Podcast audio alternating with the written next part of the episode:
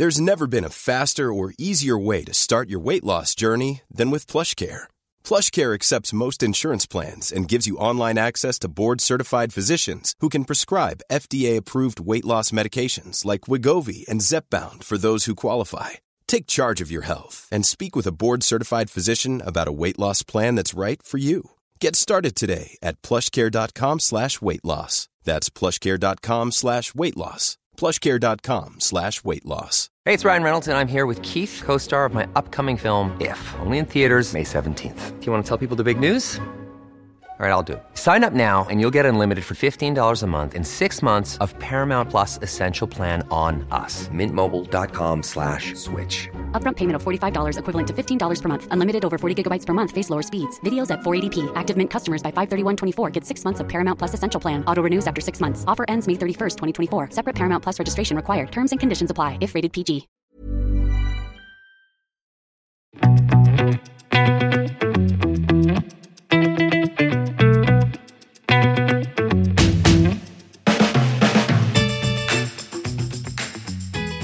Hei og velkommen til en helt ny episode av Klokkelandslaget. Vi håper jo det er dere som lytter på sin favorittpodkast om uh, klokker. I dag er vi tilbake i studio igjen.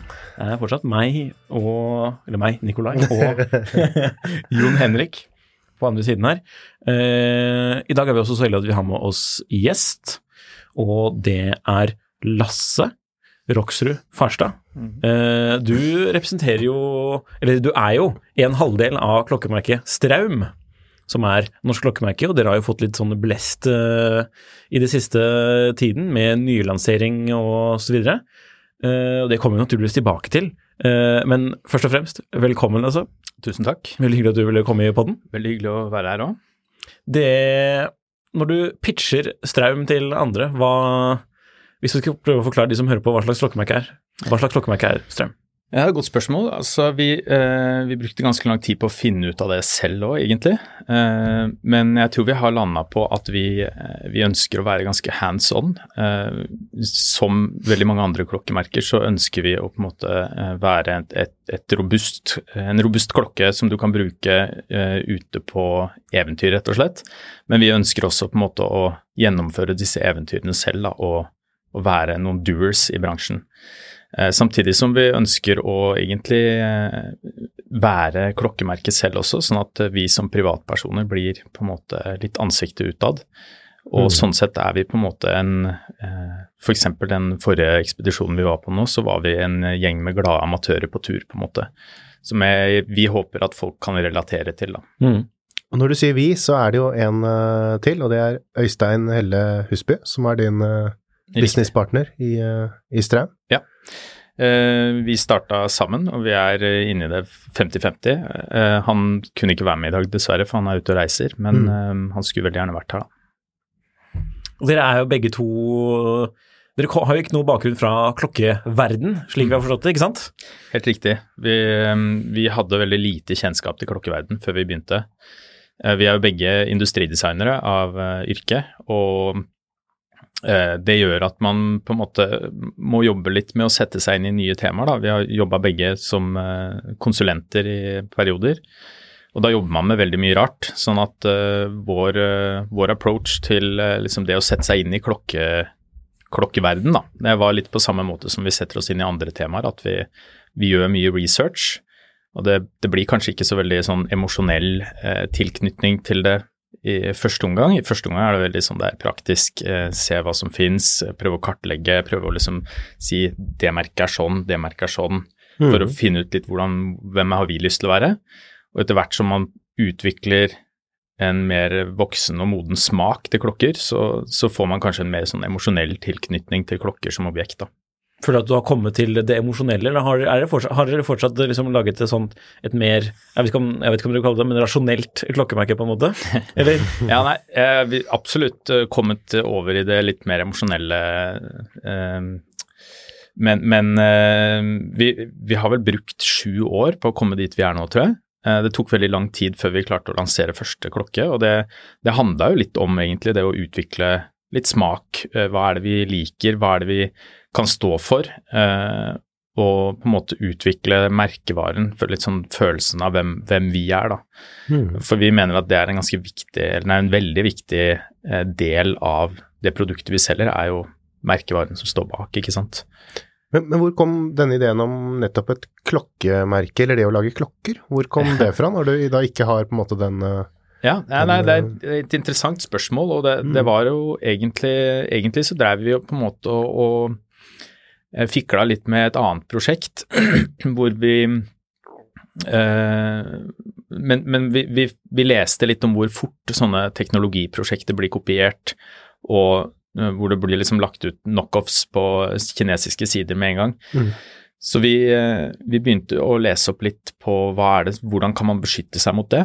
Og det var et par eh, aspekter som var interessante, annet så var det merkevare. Hvis du har en sterk merkevare, så eh, kjøper folk seg inn i det istedenfor selve produktet, så dermed har du på en måte beskytter produktet seg selv. Da. Mm. Eh, og det andre var råvarer. Så, så vi brukte på en måte Norge og materialet fra Norge som en slags råvare, og så bygde vi et merkevare rundt det som vi på en måte jobba såpass mye med at vi mener at en billig kopi ikke vil være, gi den samme følelsen. da. Mm. Nå har vi ikke blitt kopiert direkte ennå, det, det er sikkert eh, noen år til ennå, men eh, For en av de materialene du kanskje snakker om her, da, eller det materialene, er vel denne furu... Nei, hva var det? Et av sånt supergammelt tre, som dere bl.a. brukte som urskive da, i den første modellen, ikke sant? Opphav. ja. Eh, ja. Det vil si, vi, den hadde en søstermodell som het eh, Rastarkalv. Rastarkalv, ja. Ja. Mm. Og det er den du har med her, er det ikke det? Den, eh, Nei, den er ikke med, er dessverre. For den Ja, dette er For den har den, den første, den som Den med tre med sånne 3000 år gammelt tre, om det var, var det ikke det? Den har jo denne trestrukturen som man nesten kan eh, Så hvis man Andre klokker med trestruktur, eh, den der veldig spesielle Rolex Day-Date, som kanskje noen husker fra 70-tallet, eh, sånn wood-aktig urskive. mm. Men her var den mye mørk, det var en ganske mørk urskive, ikke sant? Ja, Ja. Vi, vi ville at du skulle se at det var treverk, men på avstand så skulle den oppleves som en litt sånn mørk, subtil urskive. da. da. Kanskje med, kanskje med et hint av et, eh, en slags struktur eller tekstur. da. Når dere lanserte den første klokken, da, og Mm. det, for det, det er jo, når man, når man tenker på det på liksom, sånn den måten som dere åpenbart liksom, har analysert dere fram til, at man, hvis man bruker unike materialer, da har man noe unikt, vanskelig å kopiere. Det gir jo helt mening. Men har dere, har dere sett om noen andre, liksom, gjorde dere research på å sett om noen andre norske klokkemerker har liksom tenkt i samme bane tidligere, da? Ja, eh, altså vi har registrert at det er veldig mange norske klokkemerker som selger eh, eh, på en måte det inspirert av norsk natur, ikke sant. Mm. Eh, og så kan man diskutere litt eh, hvor eh, mye inspiras inspirasjon man henter, på en måte, men vi- ønsket, vi ønsket å, å ta denne inspirasjonen veldig direkte, sånn at du kan spore den og se den direkte i klokkene. da. Mhm. Mm. Og vi, vi, ganske tidlig så, eh, så fant vi ut at vi skulle ha en balans, balanse mellom sofistikert og rå, egentlig. Så rå norsk natur og et veldig sofistikert eh, ytre, ikke sant. Altså kontrollerte flater og presisjon. Og at denne kontrasten egentlig er ganske kul å spille på. Så, så den, eh, den var den dukka opp ganske tidlig i prosessen og har egentlig fulgt oss helt fram til nå. Og jeg tror vi fortsatt kommer til å gjøre det. altså Relativt sånn eh, rå og upolert den der ekspedisjonen vi var på nå, men med et ganske sånn kontrollert eh, produkt, da, vil jeg si. Vi kan jo komme tilbake til denne ekspedisjonen eh, senere, for jeg har sett litt sånn, dere har jo publisert en sånn video og så videre fra dette. Mm. Men nå har, har vi hoppet litt sånn fram og tilbake nå, men vi kan jo prøve å spole litt tilbake til den første klokken deres. Hvordan eh, Hvis vi skal beskrive da, denne klokken for de som hører på, så må det jo være da snakker vi om opphav, og det er jo den som de som ser på, kan få lov å se med den grønn urskive her. da, Den har grønn urskive med en sånn veldig sterk uh, tekstur på urskiven. Uh, og så har du en kasse i stål, både børstet og Ja, det er vel primært børstet finish, og litt polert på sidene her. Men det er sånn damask Det er en damask, da, for den kom i en damask-utgave litt Mhm. senere òg. Mm. Så er det sånn damaskstål med, som du ser, hva skal man kalle det, tigerstriper, for de som lytter. eh, slags eh, ting. Og denne klokken kom da i 20... Eh, godt spørsmål. Eh, Den kom vel i august 2020. Ja. Mm. Og hvor lenge, og, da hadde, og du sa jo dette i stad, som da hadde dere jobbet med klokken i sånn, var det syv eller fem år? Eh, ja, da da hadde vi vel jobbet i fem år, tror jeg. Eh, og vi hadde Jeg, jeg tror det var 2021 den kom, Mm. når jeg tenker meg om. Eh, eh, vi hadde jobba med det konseptet i eh, fem år da vel, og så mm, hadde vi vært vi litt Fomla litt etter å finne riktig produsent, annet. Så vi bytta vel produsent i hvert fall to ganger før vi lanserte klokka. Og det var rett og slett eh, fordi at det, det, er det er veldig vanskelig å finne en produsent som kan levere god kvalitet til en ålreit pris. Eh, Hadde dere noen, kjente dere noen i industrien som dere kunne drive med litt sånn erfaringsutveksling med, eller eh, var det sånn at dere måtte tråkke opp deres egen sti? Vi måtte tråkke opp egen sti, ja. Så vi, vi vi brukte lang tid på å finne fram. Um, vi fant faktisk på et eller annet tidspunkt så fant vi et dokument med en kjempestor oversikt over masse klokkeprodusenter, som var et sånt Google Docs eller noe sånt noe som vi okay. fikk lasta ned fra et sted. Gudene vet hvor det var fra, men eh, det var jo ekstremt verdifullt, da, og det satt oss på en måte Jeg tror ikke vi brukte noen direkte fra den lista, men det satt oss i kontakt med folk som vi videre på en måte eh, satte oss i kontakt med nye folk, og til slutt så fant vi fram til eh, den produsenten som, som vi produserte første klokka hos, da. Mhm. Mm. Og så, har det, så betyr det da, når du sier det sånn, betyr det at de som, det er en annen produsent som har laget eh, de klokkene som kom etterpå? Eh, Riktig. Den uh, nyeste modellen er en ny produsent. Riktig. Så det kan jo ikke ha vært spesielt lett å tatt en klokke som noen andre har laget, og spørre om noen andre kunne lage den på sett og vis?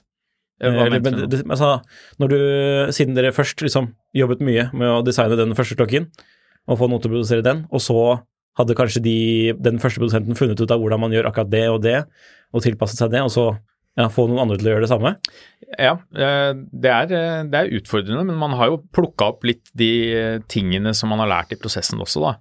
Og det er klart, vi har jo Det koster jo å utvikle en klokke. Du betaler jo for eh, utviklingsprosessen og samples og alle disse iterasjonene som man gjør òg, ikke sant. Mm. Fordi man, man ser at ting ikke er bra nok, og så ønsker man å forbedre. Så det er en kostbar prosess, og heldigvis så tar vi med mye av læring, læringen fra første produsenten vår inn til den neste som, som, eh, eh, som endte opp med å produsere opphav. Da. Men eh, eh, den nye modellen nå er jo da produsert helt fra scratch, eh, og med en del eh, forandringer eh, basert på feedback fra kunder og eh, ting vi selv har på en måte notert oss fra modell 1. Da. Mm. Så, så ja, man starter litt på scratch med en ny produsent, men uh, samtidig så har man også plukka opp veldig mange triks og uh, læringer fra tidligere utviklingsløp. Mm. Vi kan jo se litt på sånn designmessig òg, da. For den første loggen, det var kun på lenke? Nei, rem, mener jeg. Ja, Eh, i utgangspunktet Den ble lansert kun på rem, ja. Og så er det nå lenke med integrert uh, lenke, eller er det Den er ikke fullintegrert. Altså, den har en quick release Ja. på baksida, og så er det, uh, det er en sånn mellomlenke, fordi den har um, 20 millimeter uh, mellomrom mellom eh, sånn at der kan du bruke en vanlig strap også. Ja, ok. Mm. Den ser nesten integrert ut. Den ser nesten sånn, eh, det. Ja, det er godt å høre. mm. Vi har jobba mye med, med toleransene der, og generelt den der eh, lenka har vært, eh, vært en utfordring. Mm. Kan du si noe om hvor, hvor i verden eh, altså, produksjonen skjer? Eller de forskjellige delene og sånn? Swissmade står det vel, er det ikke det? Ja, det er, vi, vi gjør alt gjennom vår sveitsiske partner. Mm. Eh, så er eh, noe av produksjonen er jo flytta litt rundt omkring. Mm. Og så gjøres alt av eh, kvalitetskontroll og sammensetning i Sveits. Mm. Så det er ikke noe som foregår her i Norge, sånn av den tekniske biten, holdt jeg på å si. Nei, det er ikke det, dessverre. Og litt sånn eh, praktisk så sender vi også ut fra Sveits, da. Mm. For vår partner eh, setter sammen klokkene og kan også sende det direkte ut. og Det gjør også at man har en fleksibilitet hvis man ser at eh, man må gjøre noen endringer, eller, eller hvis Gud forby det skulle være noe som oppstår som gjør at man må liksom eh, eh, fikse noen av klokkene igjen, så, så er det på en måte tilgjengelig for oss, da. Mm. Når dere designet da var det jo Ja, dere designet vel ja, over flere år, men uh, man kan jo se at det, liksom, det, det første designet dere lanserte, dere har jo da basert dere på liksom noen av de store, liksom, hva kan man kalle det, makrotrendene i eh, klokkemakeriet, da, som Mm. liksom er litt mer sporty klokker i stål, Og nå, da, med integrert lenke, eller semi, eller noe som ser ut som integrert lenke, da, i hvert fall. Ja. Var det, var, var det to- liksom I den designprosessen, hva var det Hvordan, hvordan, ja, hvordan skjedde designprosessen mellom dere? Uh, nei, det var, det var en ganske lang prosess, og vi jobber jo Vi kan jo begge jobbe i 3D-programmer. Så vi, vi har jo jobba mye med å uh, tegne opp forskjellige konseptretninger. Uh, og i første omgang på en måte finne fram til hvilken stil er det vi liker. Hvilken stil er det som, som passer til merkevaren vår. Mm. Så det var en lang prosess, men, eh, men eh, vi fant fort fram til eh, at vi begge var veldig komfortable med den stilen der.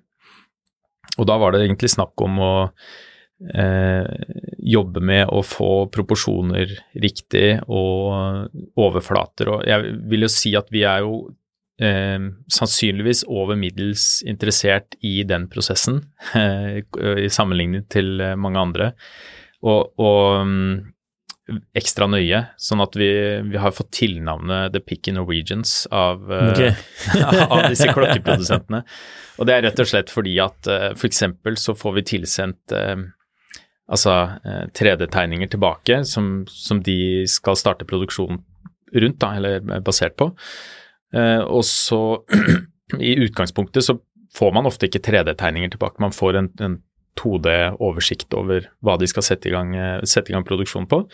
Eh, Men vi ber om 3D-tegninger og går i sømmene og ser at de har gjort om litt på de ytre flatene f.eks. Og da stopper vi hele prosessen og så sier vi ok, nå, nå tar vi det dere har sendt oss, og så tar vi alle de ytre flatene, modellerer opp de på nytt, sånn at det blir riktig. Mm. Og det har rett og slett med at uh, polerte og børsta flater de reflekterer lys ekstremt godt, og eh, ujevnheter i disse flatene blir også veldig synlige, ikke sant. Du får sånn knekk i refleksjonen og sånn. Så dette har vi jobba mye med å få, få til å sitte sånn vi ønsker, da.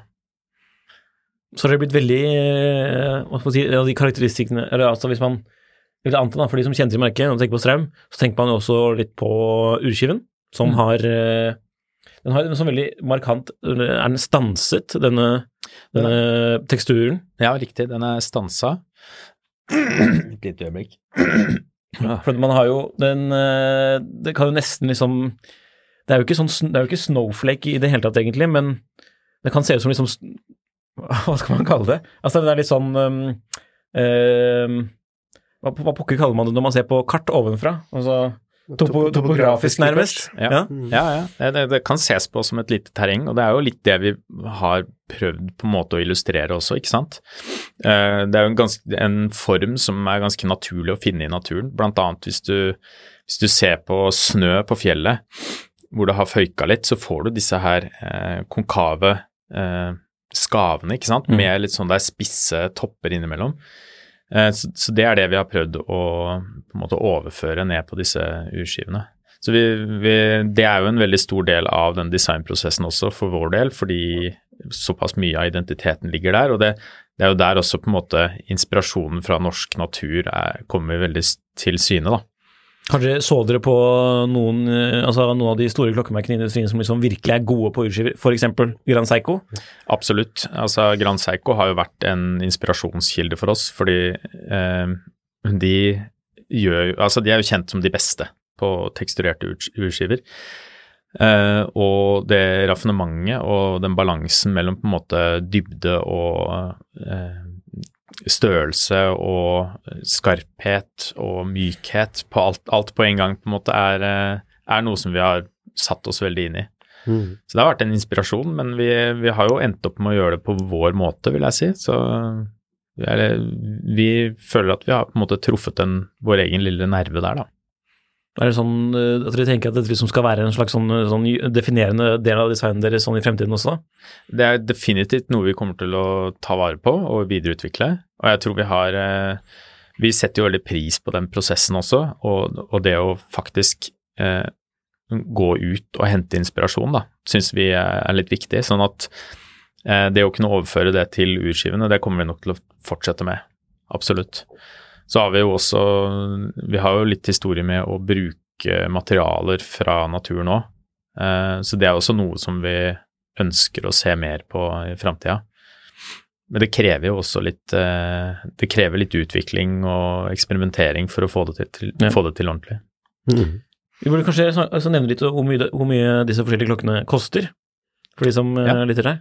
Eh, ja. Opphav, er den eh, For den vil fortsatt være i kolleksjonen, eller sånn eh, selv om det nå kommer Den er ikke i produksjon nå, Den er ikke det, nei? og, og vi er solgt ut. Ok, Sånn at uh, den uh, Foreløpig i hvert fall, så Mm. vil ikke den være å få tak i. nei, så det er på en måte et avsluttet kapittel sånn i utgangspunktet? Eh, akkurat nå er det det, ja. Mm. Men vi, vi, vi opplever jo ganske mye etterspørsel etter opphav ennå. Mm. Det er mange som spør om den kommer til, i produksjon igjen. Ja. Sånn at um, det kan jo hende at vi må se på noe, noen form for gjenoppliving etter hvert, da. Mm. Men sånn prismessig, hvor er det Jeg vet jo den var jo ganske, eller en del dyrere, den uh, første, altså den eh, spesielle med den spesielle skiven, og der var det vel rundt um, Ja, Godt spørsmål. Jeg tror den lå på rundt eh, 18 000 kroner. Det var ikke med Ok. Mm. Det var før, før moms, da, eller Ja, mm. watt. Så, så um, Og så lå opphav på 829 euro, som da ligger rett under 10 000, vel. Ja. Ja, disse valutakursene svinger jo litt også, så Ja, vi opererer så- i euro. Eh, litt sånn fordi vi opererer internasjonalt. Men, Mm. eh, og så har du den nye modellen som er da eh, 1600 euro. Mm. Så det blir jo rundt, rundt pris, samme prisen som den første limited edition. Ja, ikke sant? Men den er også da Jeg kan forklare litt der, eh, den økningen i pris òg, for Ja. den har vi fått veldig mye spørsmål eh, rundt. Og Mm. ehm, vi har jo Den første klokka kom uten lenke. Mm. Så det at den nye kommer med lenke som standard, det, det øker jo prisen litt. Yes. Og I tillegg så har vi flytta oss over fra Celita til eh, Le Chouperet eh, urverk, Mhm. som også er en oppgradering. Ja. Eh, og så har vi bytta produsent, så den nye produsenten vår er, eh, er vesentlig dyrere. Og det Mm. har rett og slett med fokus på detaljer og finishing å gjøre, da. Så har kostnadsnivået generelt også gått, altså det har blitt dyrere Ja, helt klart. fra når, kanskje når dere startet og det der eh, har vært noe på det siste? Absolutt. Og så er, merker man jo faktisk eh, altså den generelle prisstigningen i, i verden Mm. på alle varer og tjenester er, har også påvirka klokkeprodusentene, sånn at Mm. eh, ting har blitt dyrere. Ja. Og ja, så, så mm, absolutt. Men eh, det er jo også en, en klokke som har eh, som er blitt enda litt mer raffinert, da, hvis Mm. man går i sømmene på detaljene og sånn. Vi kan jo egentlig bare vise den frem her. Så den nyeste Jan Mayen nå, da, som, den koster 1600 euro. Ja, riktig. Og dere sender ikke klokkene fra Norge, de sendes fra Fra Sveits. Fra Sveits, ikke sant? Mm. Mm, Så hvis man bor i Norge, så må man legge på moms og sånn i tillegg, da. Så, Ja. det er riktig. Så vi Den eh, nye, den kommer jo da eh, Der er jo urskivene basert på den ekspedisjonen vi hadde til Jan Mayen. Og det er den hvite du ser der. Eh, Den er ganske mye mer subtil enn den første hvite vi hadde. Mm. Og får man lyset inn på den, den reagerer litt forskjellig på lyset. da. Hvis man får lyset inn ovenifra eller nedenifra, så får man sånne karakteristiske snøskavler. Eh, mens hvis lyset kommer inn fra siden, så får man mer sånn eh, de sporene av vind over disse snø, snøskavlene, da. Det er kanskje vanskelig å se her inne. men- Er det stanset ut i stål, eller er det, opp, er det noe annet som ligger oppå der igjen? Det er vel det er, Jeg tror det er messing. Eh, som Mm. urskivene er stansa ut i, og så blir de behandla med eh, flere lag med plating og eh, noen form for beadblasting, eh, og eh, flere lag med lakk, da, for Mm, å få de effektene som vi Så det høres, det høres omfattende ut. ja, det er, det er en omfattende prosess, og det, det som kanskje er vanskeligst, er å Altså, man, man skal jo kommunisere de, det man prøver å oppnå med produsenten, Mm. Og så, så må man jo bestille et antall eh, samples, altså liksom prototyper, da, fysiske prototyper, sånn at vi kan vurdere de og holde de i hånda, vri på de, ta de i sola, ta de inn under eh, vanlig innelys og sånne ting. Mm. Og, eh, og derfra på en måte ta et steg til, kanskje, hvor man gjør noen justeringer, ikke sant. Mm. Eh, og det er, en, det er en omfattende prosess, og vi har uendelig mange uh, urskiver hjemme uh, med, i forskjellige valører og mønstre og ja, før vi på en måte fant fram til de vi ønsker å gå videre med, da. Men er to, to skiver like? Er de, er de, identiske skivene, eller vil det være noe variasjon mellom uh, fra, innen samme modell? De vil, de vil, være så å si identiske. Det vil, mm. vil, jo være litt sånn litt variasjon i produksjonen, men, ja. men mønsteret vil være det samme, og ja.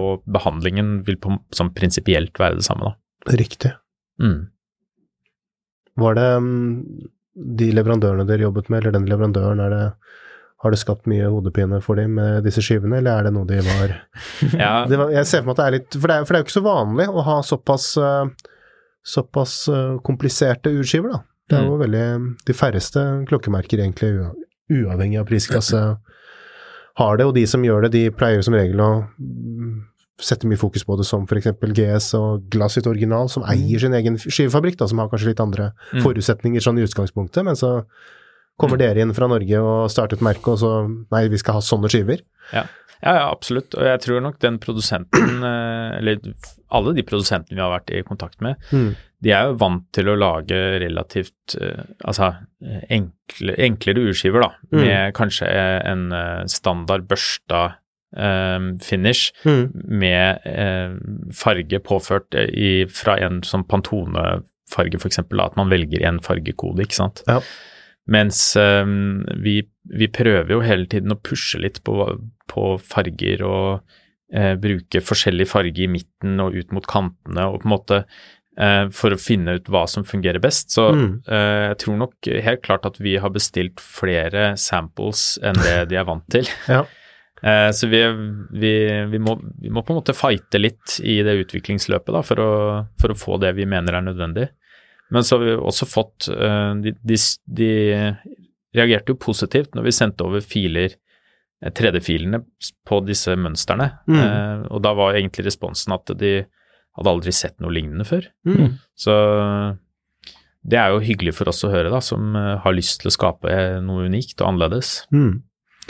Men det er jo litt spennende, for dere har jo en litt annen annen bakgrunn enn en del av de, mange av de mikromerkene. For mange av mikromerkene nå om dagen er jo litt sånn at det er primært klokkeentusiaster, og så mm. har de ikke nødvendigvis noen kunnskap kanskje egentlig om den produktutviklingsbiten, eller verken det å lage og, og Mm. Og liksom kunne kommunisere det sånn teknisk da, til hva det er, men at man har bare mer, litt mer sånn abstrakt uh, idé om hva det er man vil lage, og kanskje tegner noe på et, på et ark, eller mm. sier 'sånn skal det være', eller ja, skriver opp noen mål, eller altså sånn. Så det er litt, uh, litt annen uh, mm. Og jeg skjønner merket ditt mer når, jeg, når bare det når du har sagt noe i starten og at du, dere ikke hadde noen klokkebakgrunn. Dere har gjort research, dere kom fra en sånn industridesignerbakgrunn, mm. og da forstår jeg litt mer av opplegget. Og så mm. er det spennende å se det også, hvordan produktet har blitt modnet da fra denne opphav og, og disse til det nye. Mm. Som jeg personlig syns er en vesentlig bedre klokke mm. enn det, litt på grunn av at man har blitt nesten litt kvitt disse naturinspirasjonstingene som jeg syns kan bli litt Litt mye. Litt mye, og det er veldig mange som gjør det. Det mm. er eh, Det var jo i starten noe man kunne skille seg veldig ut på, mm. men så har det nå blitt nesten hvis man skulle komme som en alien da, ned til jorden, og så skulle man si nei, du skal lage et norsk klokkemerke, og så bare samle inn helt som en robot, samle inn masse informasjon, og så prøve å lage en oppskrift, så ville det være bruk Norge som inspirasjon, eller bruk norsk, vær inspirert av norsk natur, ikke sant. Så, mm. ja, ja. Og, men jeg skjønner jo samtidig, altså, når man også henvender seg mot et globalt publikum, så er det jo greit å ha noe, en eller annen knagg å sette liksom noe på, da. Altså man mm. har noe visst til, men, men det er forskjellige måter å gjøre det på. Man vil ha husker Bruvik som hadde vann i, mm. Mm. i bakgrunnen. Og det blir litt gimmick igjen, ikke sant. Da er man helt i den enden av skalaen, men så finnes det jo liksom det Det går jo an som Altså, om du sier at det er inspirert av snøskavler og sånn, og det Så er kanskje ikke jeg Jeg bryr meg ikke så mye om det, men det ser jo mm. fint ut. Mm. Så ja, ja, men det er hyggelig å høre, da. Mm. Jeg, jeg, tror nok kanskje vi har, uh, vi har modna litt uh, i smaken vår, og, mm. og egentlig mye, mye, feedback og mye som på en måte har satt i gang tanker hos oss, da. Mm. Så vi også føler at vi har på en måte vi har fått på en måte spissa oss inn enda litt mer på der vi, der vi vil. Ja. Er det Og det skal, jeg kom på, eh, Har dere noen gang hørt fra disse um, produsentene dere jobber med at nei, sorry, det her er rett og slett ikke mulig? Er det noen, har det vært noen uh, Ja, absolutt. Vi, vi har det jo med å krangle. Mm. Fordi jeg, jeg, har jobba som industridesigner i ganske mange år, og i, med veldig mange forskjellige typer kunder. Ja. Og jeg ser jo generelt sett at uh, det er ganske lett å si at sorry, det går ikke, fordi da, da slipper man på en måte å ta sjansen med å prøve å utvikle noe nytt, eller å teste ikke sant, alt det det innebærer av lengre tid og kostnader og alt. Mm. Uh, så jeg er også ganske vant til å på en måte krangle da, for å få vilja mi. Så eh, vi har jo hatt litt Det har jo blitt surna til litt i perioder, men så, så løsner det igjen da når vi Noen ganger så må vi jo gi opp og si at ok, greit, vi skjønner at ikke det er mulig å få til. Mm. Eh, og andre ganger så har også produsenten sagt at eh, shit, det her ble dritbra. Det hadde vi aldri forventa, liksom. Så ja, det blir noen fights her og der, men det er en del av liksom, produktutviklingsløpet, da.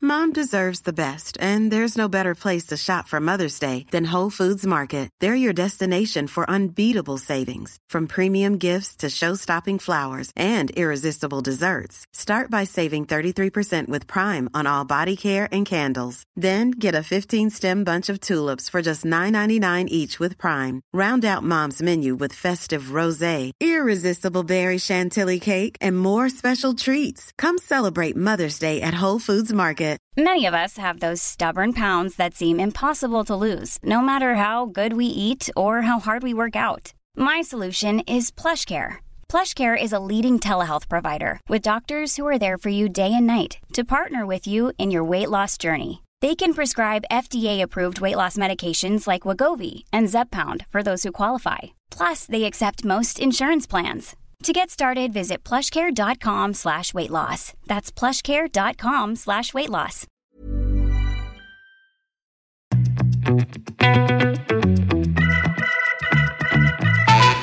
Jeg husker også når dere lanserte, så mener jeg at jeg leste en eller annen sånn PR-pakke dere sendte ut eller noe, hvor det sto Hvor dere egentlig mm, markedsførte litt egentlig som et livsstilsmerke eller en utstyrsprodusent, eller dere, dere var liksom litt sånn forsiktige med å kalle det et klokkemerke. Er det Kan du fortelle litt om hva som lå i det, og eventuelt om det er noe som har endret seg nå eh, fram til nå? At dere har et litt annet syn på det nå, eller hva? Ja, nei, altså, jeg tror nok vi anser oss som et klokkemerke, men eh, samtidig så Vi har veldig lyst til å eh, lage klokker som er funksjonelle, Mm. og eh, jeg tror nok vi absolutt er i ferd med å bevege oss mer i den retningen nå, og at de blir mer verktøy eh, som du har med deg på eh, tur eller i hverdagen eller og så videre. Da.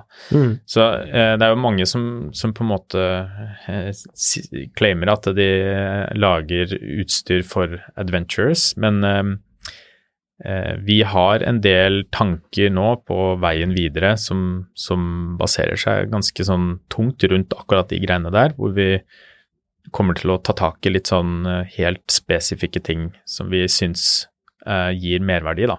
Og Mm. da blir det Det blir jo i enda større grad et, et verktøy, på en måte. Mm. Selv om det for alltid vil være en klokke, da, selvfølgelig. Og det er jo litt, kanskje kan vi knyttes litt opp til denne, denne turen dere tok til eh, Jan Mayen. Mm. Eh, øya som bærer Eller som dere har tatt eh, inspirasjon til navnet av den nyeste klokken til. Mm. Og da hadde dere med litt, litt mer sånn influensere og folk som tar bra bilder og sånn på tur. Ja, jeg vil influensere høres litt fælt ut. Ok? eh, vi, vi hadde med oss eh, Altså, alle som var med, hadde en jobb å gjøre. Mm. Så vi, vi Altså, for de som ikke vet uh, hvor Jan Mayen er, så ligger det på en måte midt mellom Grønland, Island og Svalbard, egentlig, og, og Norge. Uh, og det er eneste måten å komme seg dit på for oss vanlige folk, det er å seile dit, rett og slett. Så det er en, det er en ti dagers seiltur. Uh, ganske omfattende og ganske dyrt, særlig for en, et nyoppstarta klokkemerke. Så vi, vi var ganske forsiktige med hvem vi hadde med. Vi hadde med oss en stillfotograf som også eh, er veldig sånn involvert i utviklingen av merkevaren og alt det vi driver med, egentlig. eh, veldig god teft, som heter eh, Aksel Gjermstad. og så hadde vi med oss en eh, filmfotograf som også har ekstremt god teft og mye erfaring rundt sånn det er dokumentarer fra ekspedisjoner og sånne type filmer, som heter Johannes Dyre. Og så hadde vi med oss Krisander Bergan, som er en FPV-pilot, altså en, en, dronepilot som flyr med briller. Mm. Uh, og den pakka der på en måte uh, hadde vi jo med for å kunne dekke den ekspedisjonen vi hadde på best mulig måte, da. Og tanken med hele den ekspedisjonen var egentlig å la folk bli litt kjent med oss og, og vise at vi faktisk går ut, tester klokkene eh, og henter inspirasjon på ordentlig, da. Så det, det, var en omfattende tur, og det som spiste to uker av sommerferien vår i fjor, mm. på en måte. Uten at det ble noe særlig sommer? Eller? Ja, ja. Det, var, det, var, ganske heftig vinter, vil jeg ja. si. Eh, værmeldingen på toppen der var jo 20 sekundmeter og minus 14 på den dagen vi skulle opp, så For det var da du bestiget uh, fjell der, ikke sant? Ja, riktig. Det er Berenberg som er uh, 2277 meter så må man jo da gå fra, fra sjøen, ikke sant. Du går i land eh, på en strand, og så må du gå derfra. Så det er en ganske, ganske heftig greie, og mm. ingen av oss har egentlig erfaring med det heller. Så det, det var Men dere kunne seile litt? Eh, ikke så mye erfaring med det heller. Absolutt ikke. Vi hadde med egen skipper og sånn, så ja. Seil Norge stilte med Valiente, som er en ganske stor sånn stålseilbåt eh, som er lagd for å takle eh, de omgivelsene. Mm. mm. Kult, da. Eh, ja.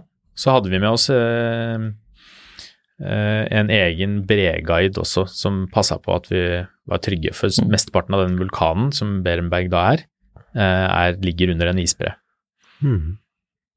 Det, jo, det, var, det, jo, det, var, høy produksjonskvalitet på den videoen som vi på. Man ser vel den på Man kan se den på Instagrammen deres blant annet, kan man ikke det? Ja, du Eller, finner noe siden, I hvert fall, var det? Du finner den på straum.co, da, i hvert fall.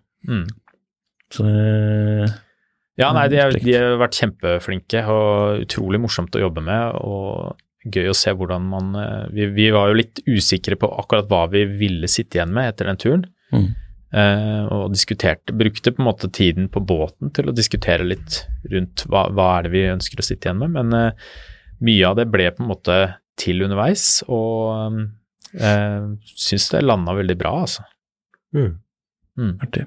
Har du noen andre sånne prosjekter, sett bort ifra liksom selve Altså å lage klokker, men liksom på, på siden? Eller? Ja, andre prosjekter enn klokkeprosjektet? Ja, eller, ja. Mer, mer sånn som med den eh, videoen, da, eller som Jon Henrik var inne på, det med ja, Nå ble vi jo enige om at det var klokkemerket som var fokuset deres, men med det der liksom Det rundt klokken, da, ja, mm. eller andre ting? Eh, ja, altså om du, men, du mener om vi jobber med noen andre produkter eller noen andre ideer? på en måte? Ja, for eksempel, eller andre klokker, for den saks skyld. Ja. Nei, vi, fokuset vårt har egentlig vært eh, veldig på den siste modellen nå, da. Fordi eh, vi gjør jo dette her ved siden av full jobb, så, ja. så det spiser all tid, egentlig. Mm. Og så har vi Vi har jo opplevd at dette her, eh, her er det noe å hente, da, så det er veldig gøy for oss å kunne fokusere på det videre.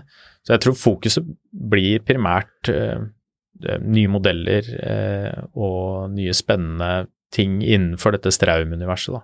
Mm. Og for når dere som hører på, hører på, så lanserte dere jo for ja, da, kanskje en måned siden en sånn limited edition, eller en spesial, spesialutgave med dette nettemagasinet Fratello, ja. som fikk omtale i blant annet da Hodinki.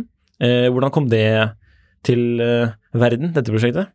Ja, det, det, er jo for det første en helt utrolig mulighet for oss, da.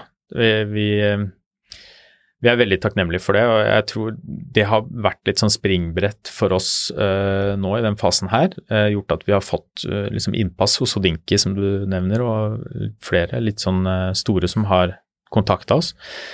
ekstremt spennende, og Fratello kontakta vel oss for ja, det er vel kanskje et år siden, halvannet eller noe og lurte på om vi hadde lyst til å gjøre en limited edition. Da hadde vi egentlig hatt kontakt med to av deres journalister i en liten periode. De hadde skrevet om oss et par ganger, og han ene, eh, Dave, hadde møtt oss i Oslo og tatt en titt på klokkene og um, de var veldig entusiastiske, uh, og de, de fronta den ideen da om å lage en eh, rød rødoransje urskive som skulle på en måte hinte litt fram på De holder jo til i Nederland, og det, er- det er jo på en måte det oransje sitt hjemland.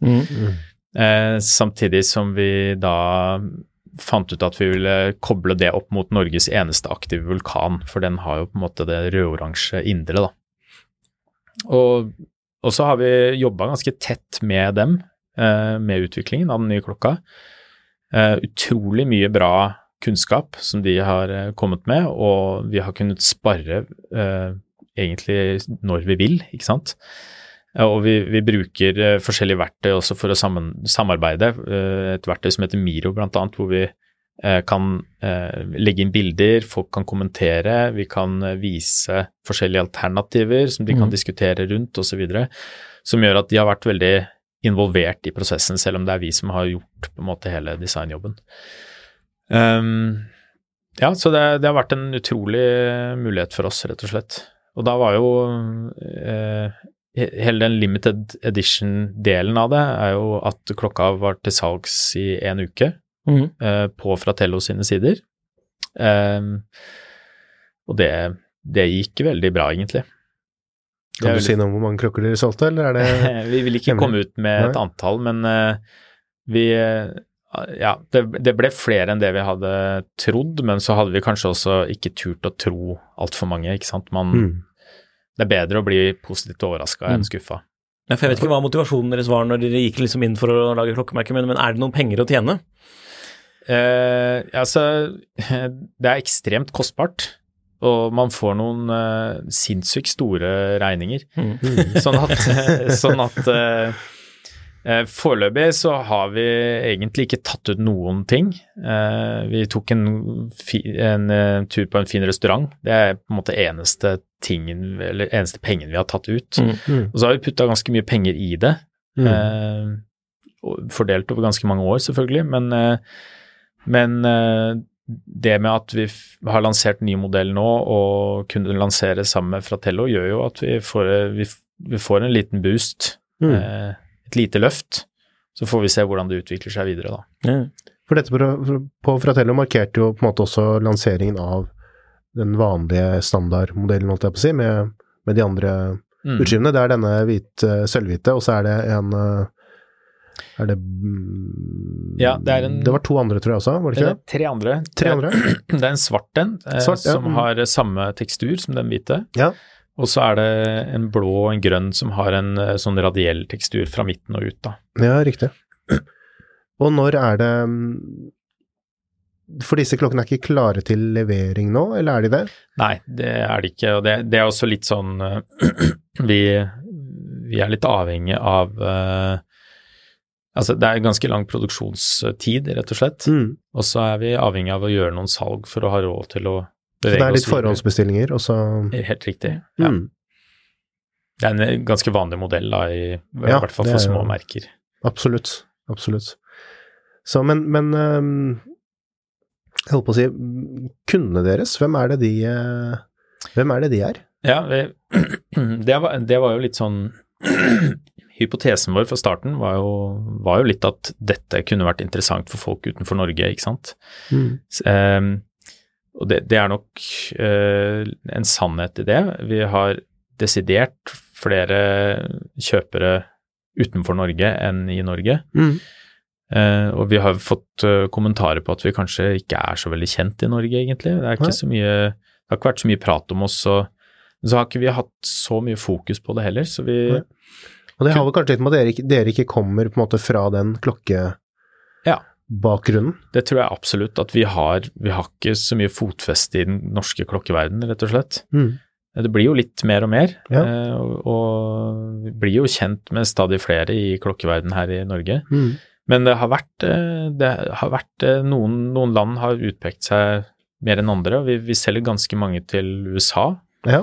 og Europa generelt. Mm. Eh, Frankrike og England og Tyskland har vært ganske store, og så har vi solgt eh, en god del i, i Asia òg. Mm. Eh, altså Hongkong, Singapore, Korea, Japan. Ja.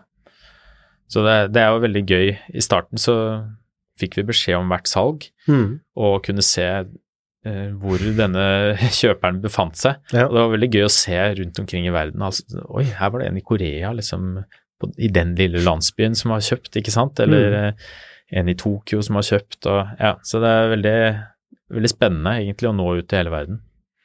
Det tror jeg er veldig sunnhetstegn nå, det at dere klarer å nå ut eh, globalt. For det er jo et fryktelig lite marked i, i Norge, og det begynner å bli mange om beinet der. Og hvis det skulle vært nok et merke som bare prøver å nå Mm. norske entusiaster, for å si det på den måten. Mm. Så Absolutt, ja. Der, er eh, Vi håper jo å nå ut til flere etter hvert, da, selvfølgelig, men, eh, men nå har vi på en måte fått litt sånn momentum der ute, så vi, er, vi kommer nok helt sikkert til å på en måte fortsette litt sånn som vi gjør. mm. Men uh, det er veldig morsomt å, å, å kunne på en måte snakke med dere og bli litt kjent med det norske markedet òg. Men har du inntrykk av at de som kjøper det, selv om det da er i om det er i Korea eller Tyskland, eller sånn, er det klokke, klokkefolk, føler du, eller er det folk som er opptatt Det er kanskje litt vanskelig å vite også, men Ja. eh, Ja, men det er et godt spørsmål, fordi vi, i starten så hadde vi en teori om at vi kunne nå ut til folk som var interessert i å være ute, mm. eh, og som, eh, ja, som hadde visse sånne interesseområder. Og så har vi egentlig innsett at vi primært når ut til klokkefolk. mm. Eh, så det er folk som er opptatt av speks og detaljer i klokkene, ikke sant? Mm. Som for oss egentlig er helt perfekt, fordi Mm. eh, da vet vi at de tingene som vi putter veldig mye energi i, Mm. de blir lagt merke til, og de blir satt pris på. Mm. Så egentlig er det helt perfekt at eh, kundene våre At det viser seg at de er klokkefolk. Selv om det hadde vært gøy å på en måte nå ut utenfor det etter hvert også, da. Mm. Men det, det krever en god del ekstra, tror jeg, fordi eh, klokkefolkene har på en måte antennene ute for Ja. nye klokkemerker. Man når ikke massemarkedet gjennom selv ikke Hodinki. Det er jo fortsatt veldig klokke... Ja, Man er absolutt. over gjennomsnittet interessert når man går inn på et nettsted som bare handler om Det klokker, selv mer enn, liksom på, enn å se på Instagram eller Mm. sosiale medier hvor man kan få det inn på tilfeldig. Så skal man være ganske interessert tror jeg, før man begynner å gå inn på Fratello og, Mm. og, og sånn. Mm. Men uh, hva er ambisjonene, sånn ultimate ambisjoner her? Er det å, å Det høres ut som det er egentlig å gjøre det til noe mer enn bare et kanskje et hobbyprosjekt. Er det altså at man skal Mm. Noen er jo litt sånn øh, Vi har jo snakket med flere merker, og noen har jo en litt sånn, hva skal jeg si Litt avslappet at man ser på det liksom mer som en, nesten kanskje et avbrekk fra det man driver med vanligvis, og at Mm. man bare har det som en hobby, og så legger man ikke så mye i kanskje markedsføringen, eller man legger ikke så mye i det, altså, men man syns det bare er gøy, da. Ja.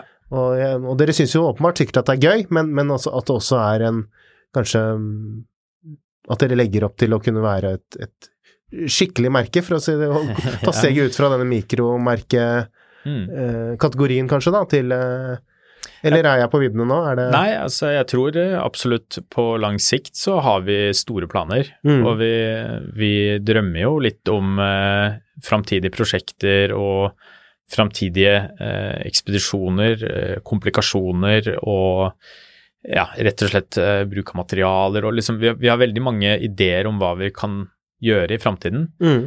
Eh, og jeg tror nok eh, på lang sikt så kommer det sikkert, hvis vi, eh, hvis vi klarer oss, så kommer det til å utvikle seg til noe større. Jeg tror nok det er ambisjonen vår, ja. Mm.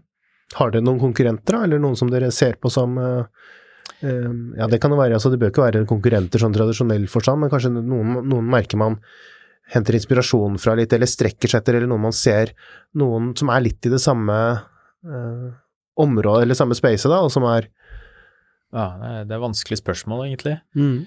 Altså, vi, vi ser jo opp til veldig mange større merkevarer, og det er jo noen som utpeker seg som på en måte, som vi syns gjør ting som resonnerer godt med det vi har lyst til å gjøre. Mm. Så vi lar oss helt klart bli inspirert av de litt større merkevarene. Og så, merker vi jo at eh, konkurrentene våre, de er jo kanskje eh, klokker som har eh, så å si samme spekk, ligger eh, så å si på samme prissjikt. Og dette plukker vi opp. Vi følger jo med så godt vi kan på alle forum og Mm. eh, kommentarfelt på YouTube, reviews og sånne ting. Mm.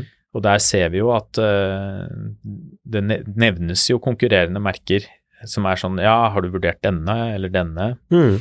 Og da plukker man litt opp hvem det er man egentlig konkurrerer med, da. Og det er jo Mm. interessant å se. Eh, I noen forum så er det på en måte kun alternativer med teksturert urskive som kommer opp. Mm. I andre forum så er det plutselig eh, andre klokker med rød urskive som dukker opp som Mm. konkurrenter, ikke sant. Så, så man har jo litt sånn der litt mindre bobler man konkurrerer innenfor, og så er det Mm. noen litt større bobler med sånn generelt Denne merkevaren kan eh, også appellere til den samme kjøperen som det vi gjør, ikke sant. Ja. Og sånn i forhold til distribusjon, så dere selger utelukkende nå ja, Selvfølgelig denne spesialmodellen med Fratello gikk vel via Fratello kanskje sin eh, Ja, nettbutikk, men ellers så er det direkte salg fra eget eh, Det er en del av modellen. Dere kommer ikke til å søke etter å få et eh, forhandlernettverk eller, Ja, vi- eller sånn, eller er det Vi, vi har tenkt, lekt litt med tanken, da, og Mm. jeg tror nok det har en verdi i Mm. å kunne være litt til, fysisk tilgjengelig rundt omkring i verden. Ja. Vi har også lekt med tanken på å eh, rett og slett lage en form for mobilt showroom eh, som, man kan, som man kan da flytte rundt omkring. At man på en måte en, en uke holder til i Hongkong, og så sendes videre, og så er man på turné i USA, ikke sant. Mm. For å, for å være synlig, og for Ja. å la folk komme og ta en titt og kanskje prøve på hånda. Og, Mm. Um, så vi har tenkt tanken, og vi har blitt kontakta av en del folk rundt omkring som eh, ønsker å selge klokkene våre, men foreløpig så har vi ikke tatt det steget. Da, og det er nok kanskje litt også med at vi vi- med, med på en måte vanlig jobb og det her på si på kvelder og helger og alt, så, så har man liksom nok med å få gjort de tingene man må få gjort Mm. eh, som er utvikling av nye modeller og kundeservice og salg og For, nå, for nå er dere to personer, det er ikke noe flere Vi er bare to, ja. mm. Og vi gjør egentlig så å si alt selv. Så det, ja, det er, det er ganske mye som skal gjøres. Overraskende mye når man Altså, hvis man ikke har starta noe sånt selv, så blir man litt overraska, tror jeg. Ja, det har vært spennende å følge med på. Vi følger jo med i fremtiden òg. Så takk, Lasse, for at du kom og fortalte om eh, Straum. Ja, og hvis meg. man vil lære mer om Straum, hvor finner man Straum? Eh, på Instagram, i hvert fall. Ja. Eh, og på nett. Og på Hodinke, selvfølgelig. ja, ja. Den er god. Ok, tusen takk for at du kom. Takk for meg. Ha det bra. Ha det bra.